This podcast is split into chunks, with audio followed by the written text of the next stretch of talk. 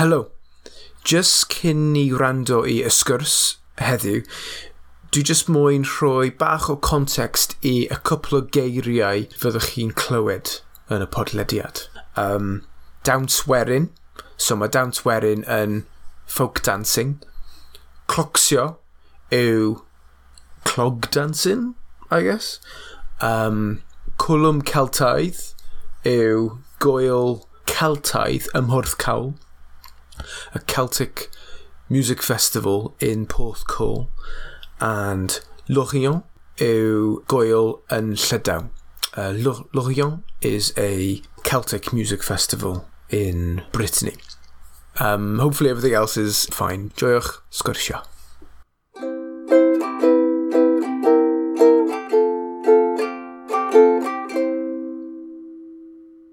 Helo a chroeso i sgwrsio a heddiw dwi'n yma gyda Meg. Siamai Meg? Helo, Meg dwi. Ti'n iawn? Ia, fi'n iawn, diolch. Sut wyt ti? Dwi'n good, diolch. Ie, dwi'n eitha oer a hyn o bryd achos mae tywydd wedi bod ofnadwy heddi. Basically, just i ddechrau, wyt ti'n gallu just dweud tipyn bach o pwy o'i ti? Oce. Okay. Um, Wel, mae Meg dwi. Uh, dwi'n dod o gas newydd a fi'n chwarae ffidil um, mewn bandiau fel afanc a Uh, fi yn y Brifysgol Met Caerdydd yn astudio celfgain ar hyn o bryd. Uh, fi yn fy ail flwyddyn, a dyma fi. Beth ydy celfgain, y, y gair gain? Fine art. Oh, fine art. Iawn, cool, diolch. A dyna sut dwi di cyrdd ti trwy'r dy'r gerddoriaeth ti. Mm. Mm-hmm. Um, SE i'r cwlwm Celtaidd, um, Hwrth Cawl, a dyna lle dwi wedi weld ti performio hefyd. So, ti'n rhan o'r band afanc. Mm. A beth yw'r holl enw band, ba, um, afanc band ieuenctydd Cymru?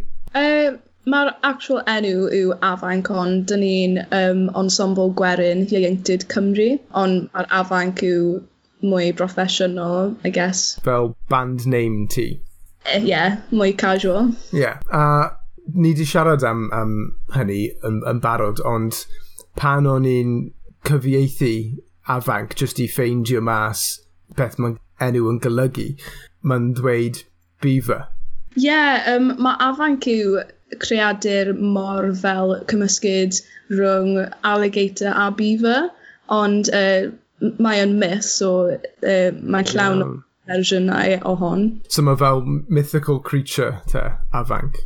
Mae'n mor, um, more in keeping gyda'r vibe werin, I guess, ie? Yeah? Ie, yeah, uh, mor traddodiadol a ie, yeah, dyn ni'n just stick o gyda'r gwerin. Oh, sorry. Thema gwerin. Um, naethoch chi ddewis yr enw neu? Ie, uh, yeah, naethon ni llawer o opsiynau a ni just like, talu y enw a mae afanc wedi ennill. Um, Mae ma nhw'n uh, synio'n debyg i uh, ifanc, like, fel afanc, so mae'n just gwneud sens, really. Ie, yeah, ie. Yeah. Y tro cyntaf clywed i am yr enw, o'n i'n meddwl, o, oh, falle mae'n hen gair am ifanc neu rhywbeth. Um, so mae'n yeah, ma gweithio dda iawn, really.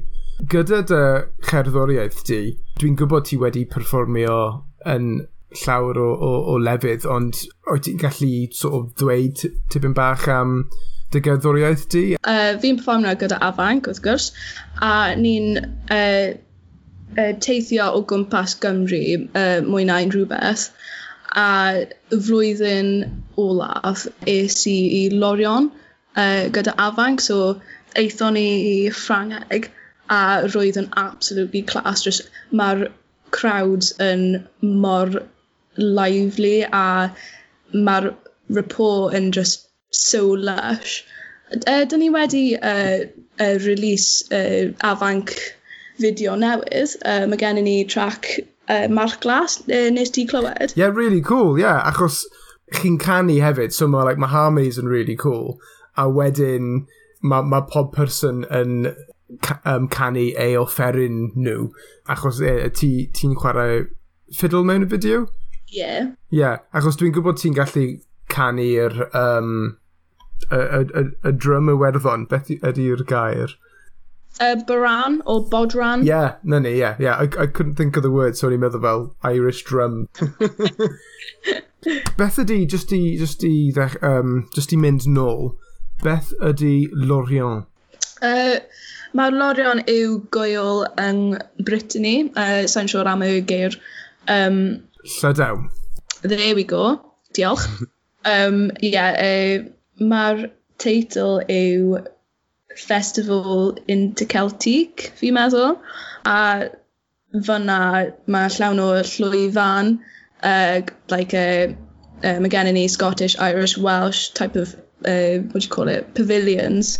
Mm -hmm. A mae'r llwyfan Gymraeg yn cynnwys afanc a Trials of Cato sy um, band Gymraeg hefyd a yn, y, yn ogystal â hyn mae Pendefig yw un arall mae Pendefig yn cael uh, llawer o bobl sy'n dod o uh, y band Calan sy'n eitha, eitha mawr yn Cymru. Ie, yeah, mae'n ma ma fel supergroup, ie. Yeah. Um, llawer o pobl o'r sîn werin yn, yn perfformio mewn y, y band. Uh, 15 ohonyn nhw.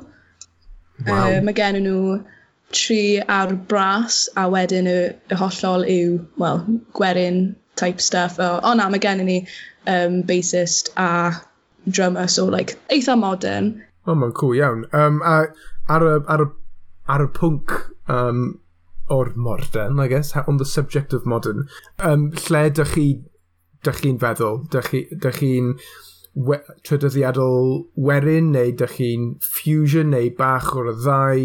wyt ti'n gallu dweud tipyn bach am um, hynny? Um, ni'n trio wneud cymysgydd rhwng modern a traddodiadol.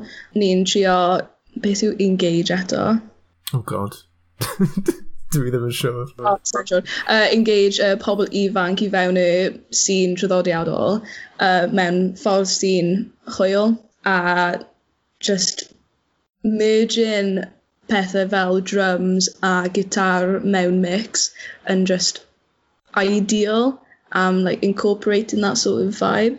Um, so yeah, mae afanc yw prosiect broffesiynol, ond dyn ni'n trefnu pethau a ni'n dal yn gweithio ar, ar pethau. So uh, dyna llawn o um, lluniau, y cynllunio, sorry.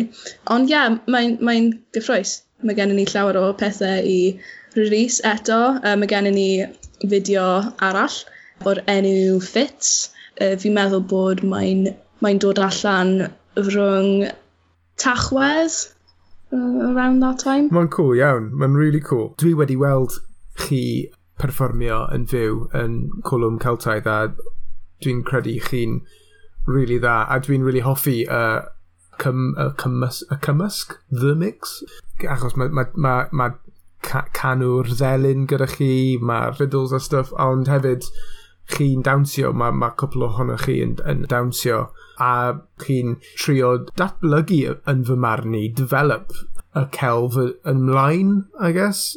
Achos dwi dwi'n caru pethau werin, ond dwi'n credu mae'n pwysig i datblygu a symud ymlaen um, i newid pethau, achos dyna sut mae popeth yn fyw. So dwi'n really hoffi hynny.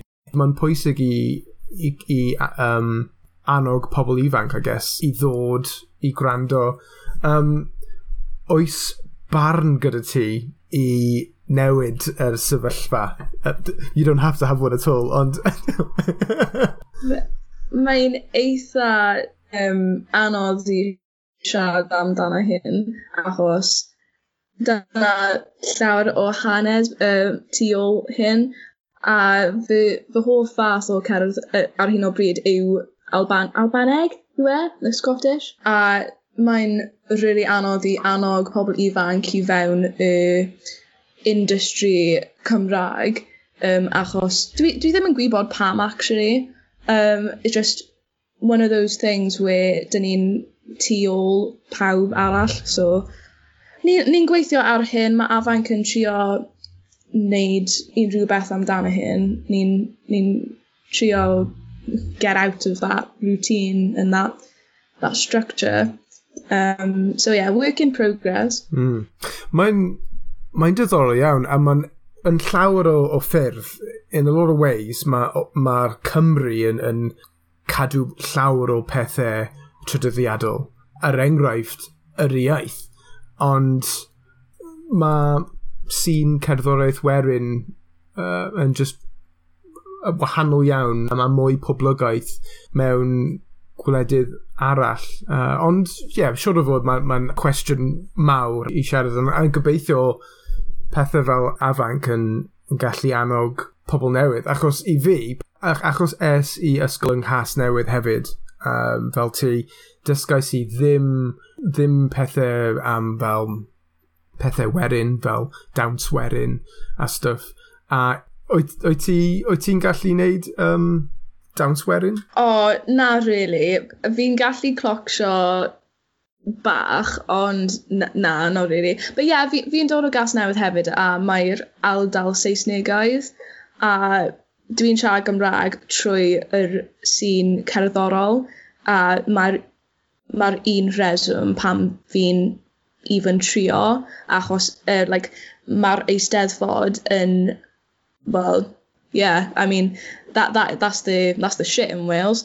Um, os ti ddim yn siarad Gymraeg yn yr Eisteddfod, ti'n gael like looks a pethau. Ond uh, mae mae ychydig o bobl yn annog pobl ifanc a just unrhyw, uh, unrhyw un i dysgu Gymraeg sy'n dda, ond ni'n siarad am hyn cyn y sgwrs um, am like, gwneud uh, camsyniadau a sut mae'n gallu bod yn embarrassing os ti'n gwneud mistakes fel hyn a just like pethau bach like mae fy ffrind yn siarad amdano fe um, yn gynnig a mae hi'n teimlo fel ma'r Cymru yn gallu bod yn eitha yn welcoming i y dysgwyr a so ie yeah, hmm. dyna stigma ond mae'n mae gallu bod yn wella fi'n meddwl. Ie yeah, ma'n pwg diddorol iawn, a dwi'n deall, a mae'n ma really odd. A, a dwi wedi clywed llawer o, o straeon, mm -hmm. ond dwi wedi bod lycus dwi'n credu, a sain wedi cyrdd unrhyw un sy'n wedi bod rwyd i fi. A, ie, yeah, mae'n ma, weird. Um, Mae'n ma, ma un ochr o pobl sy'n, ie, yeah, eitha critical, ond hefyd, yr ochr arall yw llawer o pobl fel dy ffrindiau ti siwr o fod, fy ffrindiau i, sy'n really, really positif. Um, so, ma' ond mae'n, ma'n odd, O'n i'n cael, ro'n i'n cael sgwrs gyda ffrind fi sy'n dysgu Cymraeg hefyd, a ro'n i'n siarad am pan ni'n cyrdd rhywun yn Saesneg sy'n dysgu Saesneg, mhm. does neb yn rili meddwl am y camcymeriadau mae nhw'n neud. Ni'n just um, acceptio, o oh, iawn, mae nhw'n siarad Saesneg, mae nhw'n dysgu, mae nhw'n ailiaeth, mae hynny'n hollol iawn. Ond mae llawer, llawer o bobl sy'n weithiau, sy'n iaith cyntaf, um, sy'n teimlo ang, ang, oh god, not confident, ang, ang... Anghyderus? Anghyderus, ie. Yeah. Um, yeah, dwi'n gwybod llawer o pobl sy'n iaith gyntaf sy'n teimlo anghyderus i siarad Cymraeg. Oh, okay. Um, yeah, a, a, a dyn, maen nhw'n meddwl, o, oh, na, fy Cymraeg fi ddim yn digon dda.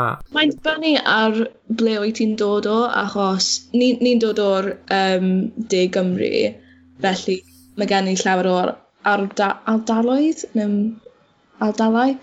areas sy'n Saesnegaidd. A, mm -hmm. Ond uh, o gwmpas Gymru, uh, mae, mae gen i ni llawer o, o beth yw variety amrywiad gyda... It's a good word. Ie, yeah, amrywiad. E, uh, yeah, mae gen i llawer o amrywiad gyda ability a ie, yeah, mae'n ma, just jyst dibynnu um, ar mm. dy hyder, fi'n meddwl. Um, like, dros, yeah. dros y um, uh, mlynydd, mae fy hyder yn eitha, eitha gwella, uh, fi'n meddwl. Mm -hmm. uh, fi'n fi siarad gyda ti a fi'n teimlo'n absolutely fine, ond mewn setting arall, fi'n gallu bod yn absolutely mind blank. A uh, mae'n just dibynnu ar um, yr, uh, beth yw environment, um, amgylch, amgylch. Ie, yeah, no, dwi'n cytuno dwi wedi bod mewn sefyllfa debyg. Felly ie, fel yma nawr, ni'n siarad Cymraeg hollol iawn, dwi'n deall ti, ond i fi, mewn grwpiau mawr, dyna lle dwi'n stryglo i, i ddilyn y sgwrs. Achos wyneb i wyneb, os fi'n siarad gyda un person, mae hynny'n iawn, ond um, yeah, mewn mm. um, yeah, grwps mawr, a os maen nhw'n dod o gorllewin Cymru neu gogledd Cymru, ma'n ma'n anodd i ddilyn. Os maen nhw'n grŵp o siaradwyr o gydydd, ma'n wahanol, achos dwi'n credu ma'n Cymraeg yn De Gymru yn um, obviously ma'n ma' slang yn bodoli, ond does dim llawer o slang, um, neu it's slang that I understand. Ie, yeah, fi'n deall. Um, mae'n dibynnu ar ble ti'n dod o, like, as you said, fi'n teimlo fod os ti'n dod o'r gogledd, ti'n, beth yw tend? Oh, well, you tend to speak at a quite, quite a faster pace. Um, mm -hmm. A mae'r dialect yn completely wahanol anyway. Ond, uh, yeah, mae'n mae just dibynnu on pwy sy'n siarad, fi'n meddwl. Dwi'n cytuno. So dwi wedi bod siarad llawer gyda ffrind o, go o Gogledd Cymru. A wedi dysgu llawer uh, o geiriau ohono hi achos ni 'di siarad Cymraeg a beth dwi'n hoffi pan dwi'n siarad gyda rhywun o gogledd Cymru neu gorllewin Cymru, this is where I found it the majority of the time, ond achos maen nhw'n iaith cyntaf a maen nhw'n dod o ardal Cymraeg os dwi'n struglo am i esbonio neu deall, maen nhw'n hapus i cario ymlaen yn Gymraeg neu, a just esbonio mewn ffwrdd wahanol, neu siarad mwy araf. Whereas, yn De Gymru, dim pob tro, ond weithiau maen nhw'n newid i, i Saesneg straight away. Ie, yeah, fi'n cytuno achos uh, mae gennym ni residentials yn Bala yn y Gogledd um, mm. ac yn, yn y tarfan mae ma pawb yn uh, mor patient gyda'r dysgwyr, fel, fel fi anyway. Um, a like, un pint down a fi'n siarad yn iawn, ond um, slow, slow start. A ni just fynd nôl, actually, achos o'n i'n siarad am, um, well, nes ti ddechrau dysgu Cymraeg achos ro ti'n dysgu sut ti chwarae cerddoriaeth werin, neu nes ti dysgu Cymraeg cyn hynny? Uh, cyn, ie. Yeah. Um, nes i ddysgu y Gymraeg rhwng y ysgol fel tygau, etc. A fi wneud e yn lefel A, ond roeddwn ni, um, roeddwn ni symud i ysgol arall um, i wneud lefel A Gymraeg achos uh, does dim uh, digon o bobl i wneud y cwrs. Mae'n amazing, achos pryd nes ti teimlo cyffyrddus i defnyddio Cymraeg? Achos i fy, yn fy marn i, dysgais i ddim llawer o Gymraeg yn y, y GCSEs, y, y, y tygau, a nes i ddim wneud lefel A Cymraeg, ond dwi'n gwybod maen nhw'n just ffocasu ar y llenyddiaeth, ie, yeah, the literature, dim i siarad. So, ble nes ti dysgu a adeiladu y hyder i defnyddio Cymraeg? I guess trwy'r ysteddfodau neu, neu be? Uh, Sa'n siŵr, really. Um, fi'n meddwl like, trwy lefel A, byddwn ni'n byddwn ni'n datblygu y geirfa sy'n eitha um, ffurfiol ac anffurfiol, so it would just be a build-up of mm -hmm. context and more words and stuff um, that I missed out on in primary school, in high school and whatever. Uh, mae just ymarfer, honestly. Mae wedi tynnu uh, mlynydd i, i datblygu fy hyder. Ond uh, fi yma naw, uh, fi'n fi teimlo yn iawn, a uh, fi, fi ddim yn siarad Gymraeg yn, um, yn gyffredinol ar hyn o bryd, achos fi'n uh, fi byw yng Nghaerdydd, a ar fy cwrs uh, does dim llawer o bobl sy'n uh, rigol yn y Gymraeg. Like, dyna ychydig o bobl, ond uh, nes ti ddim yn like, cymdeithasu gyda nhw. Um, mm -hmm a lot of the time. So, uh, mae'n eitha anodd, ond mae, yn lush. Uh, fi wedi wneud un blog Cymraeg am y Brifysgol Met Caerdydd ar y penwythnos. Oh, cool. Da, ie, yeah, si eitha uh, cyfroes. A uh, sa'n siwr os uh, mae'r blog yn ar-lein eto, ond uh, yeah, fi'n just like siarad am, gel, uh, am celf mewn quarantine a lockdown fel uh, myfyrwyr. So yeah, just like unrhyw beth bach. Uh, so yeah, uh, I lost my trail of thought, but uh, dyna, dyna llawn o uh, gwybodaeth.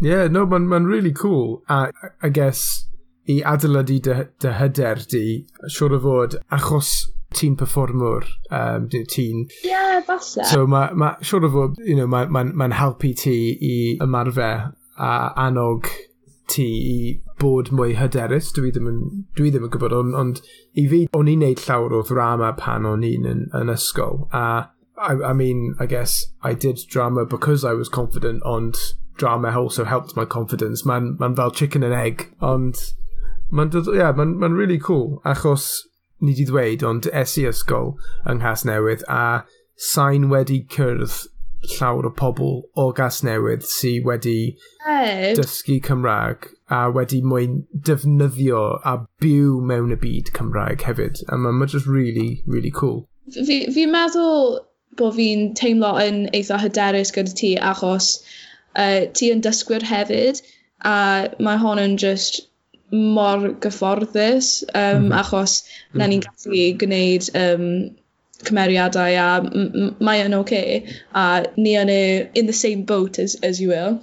Ie yeah, dwi'n gwerthorog i hyn. Ie yeah, a, a dyna beth sy'n pwysig really a dyna pam dwi'n neud y podlediad fel, fel yma. Achos just i rhoi er enghraifft i dysgwyr arall gobeithio dros y byd um, sy'n dysgu Cymraeg, ond dim rhaid i ni bod rhugl neu teimlo rhugl i cael sgyrsio diddorol gobeithio ddoniol um, gyda pobl eraill sy'n iaith gyntaf neu ailiaeth. Achos yng Nghymru mae rhaid i ni really datblygu y sefyllfa i annog mwy pobl i ddechrau dysgu. Achos mae llawer o pobl sy'n mon monoglot, ie, yeah, monolingual, un iaith gyda nhw. A maen nhw'n meddwl weithiau, o, oh, mae'n ma, just anghosib i dysgu iaithoedd newydd a dwi ddim yn cytuno gyda'r er, y barn hynny. Ie, yeah, fi'n cytuno. Iawn, na'n jyst mynd nôl i cwpl o'r cwestiynau. Beth yw dy hoff gair yn Gymraeg? O, oh, right. Dwi ddim yn gwybod pam, ond fi'n hoffi yr gair 11, so 11. Fi'n just hoffi y sain ohono fe. Um, mae'n just like, mae'n cynnwys y um, the and the ar yn y... Uh, yeah, fi'n just hoffi fe. Dwi'n really hoffi um, y gair um, un ar 10. Dwi'n cytuno gyda ti. Mae'n really llifo. Mae'n just flow. Yeah. Ond dwi'n cysau y gair ysgytlais sy'n shake in, um, in English. Just like...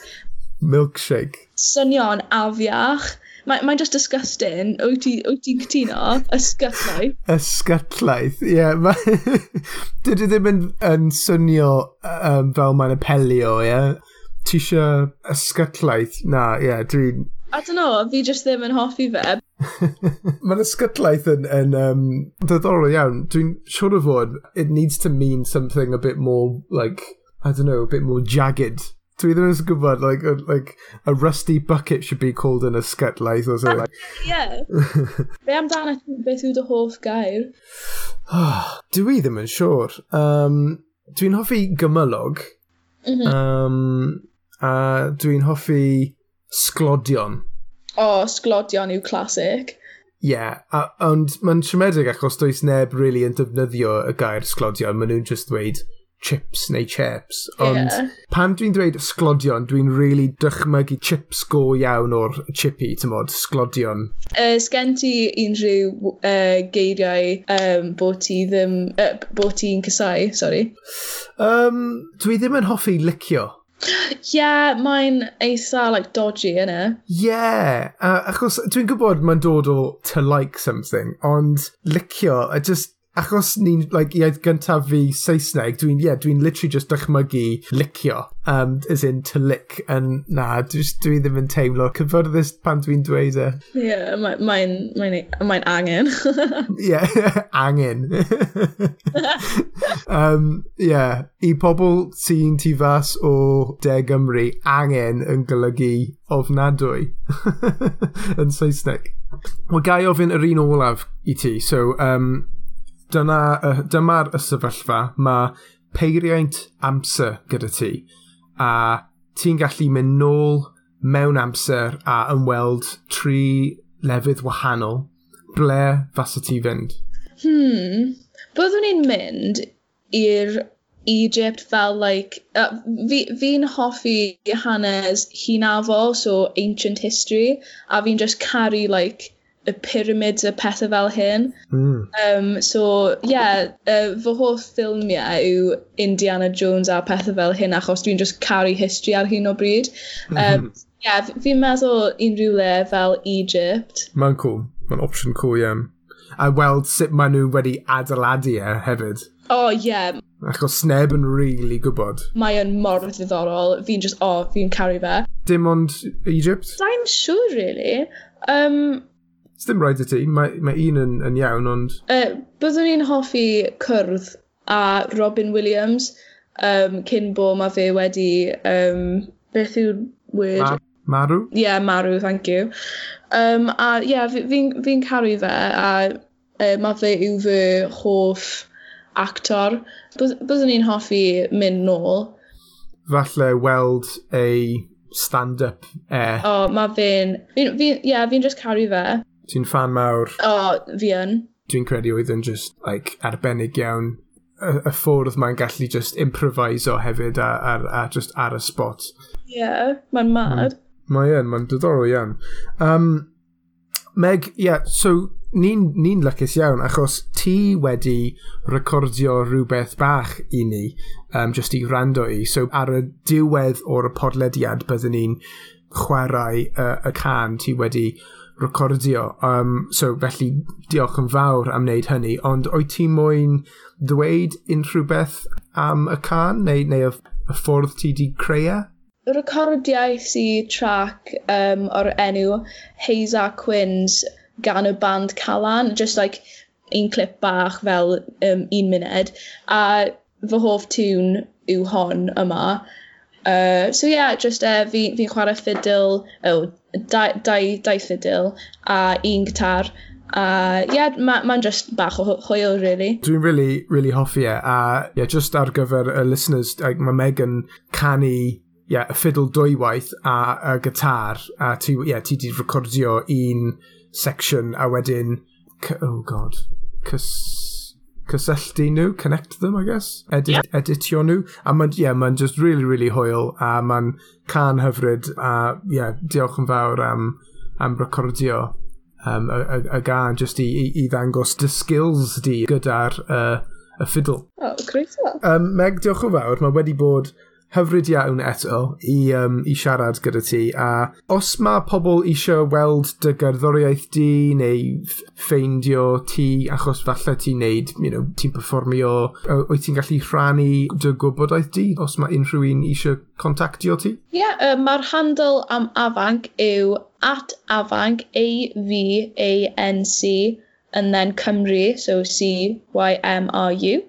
Um, a mae hon yw ar Facebook a Instagram, both the same. A wedyn am fy account bersonol, fi yn Megan Eliza Cox. Ond, ie, yeah, dilynwch a yn, yn gynta. Ie, yeah, ond, I mean, ti'n neud, um, well, dyn ddim wedi siarad am hynny, ond ti'n neud, like, ti'n peintio a neud sketches sy'n cool iawn hefyd. O'n i'n really hoffi yr un gyda'r pobl sy'n clogsio. Mae'n really cool. Diolch. Dwi'n argymell i pobl i weld dy, um, dy, dy gelf di a dy gyrdoedd di, achos ti yn talentog iawn. Um, I'm not just saying that. Mae'n pleser i siarad gyda ti. Cariwch ymlaen gyda y Cymraeg. A ti hefyd. Ie, yeah, mae'n re wedi bod really lovely. So diolch eto am, am, am siarad gyda, gyda fi ar gyfer sgwrsio. Poblwc gyda dy gwrs ti. Gobeithio weld ti unrhyw, unrhyw bryd, no, um, rhywbryd, sorry, weld ti rhywbryd yn fuan. Diolch yn fawr a hwyl. Diolch. Hwyl, bye. bye. Right, just cyn i gwrando i Hayes and Quins gan Meg, can o'r y band Calan. Dwi jyst moyn dweud diolch yn fawr iawn am gwrando i y podlediad yma, sgwrsio, A os ti moyn bod ar sgwrsio neu ddilyn ni, ti'n gallu ffeindio ni ar Facebook a Instagram. Diolch yn fawr iawn eto, a gobeithio ti 'di fwynhau. Tada!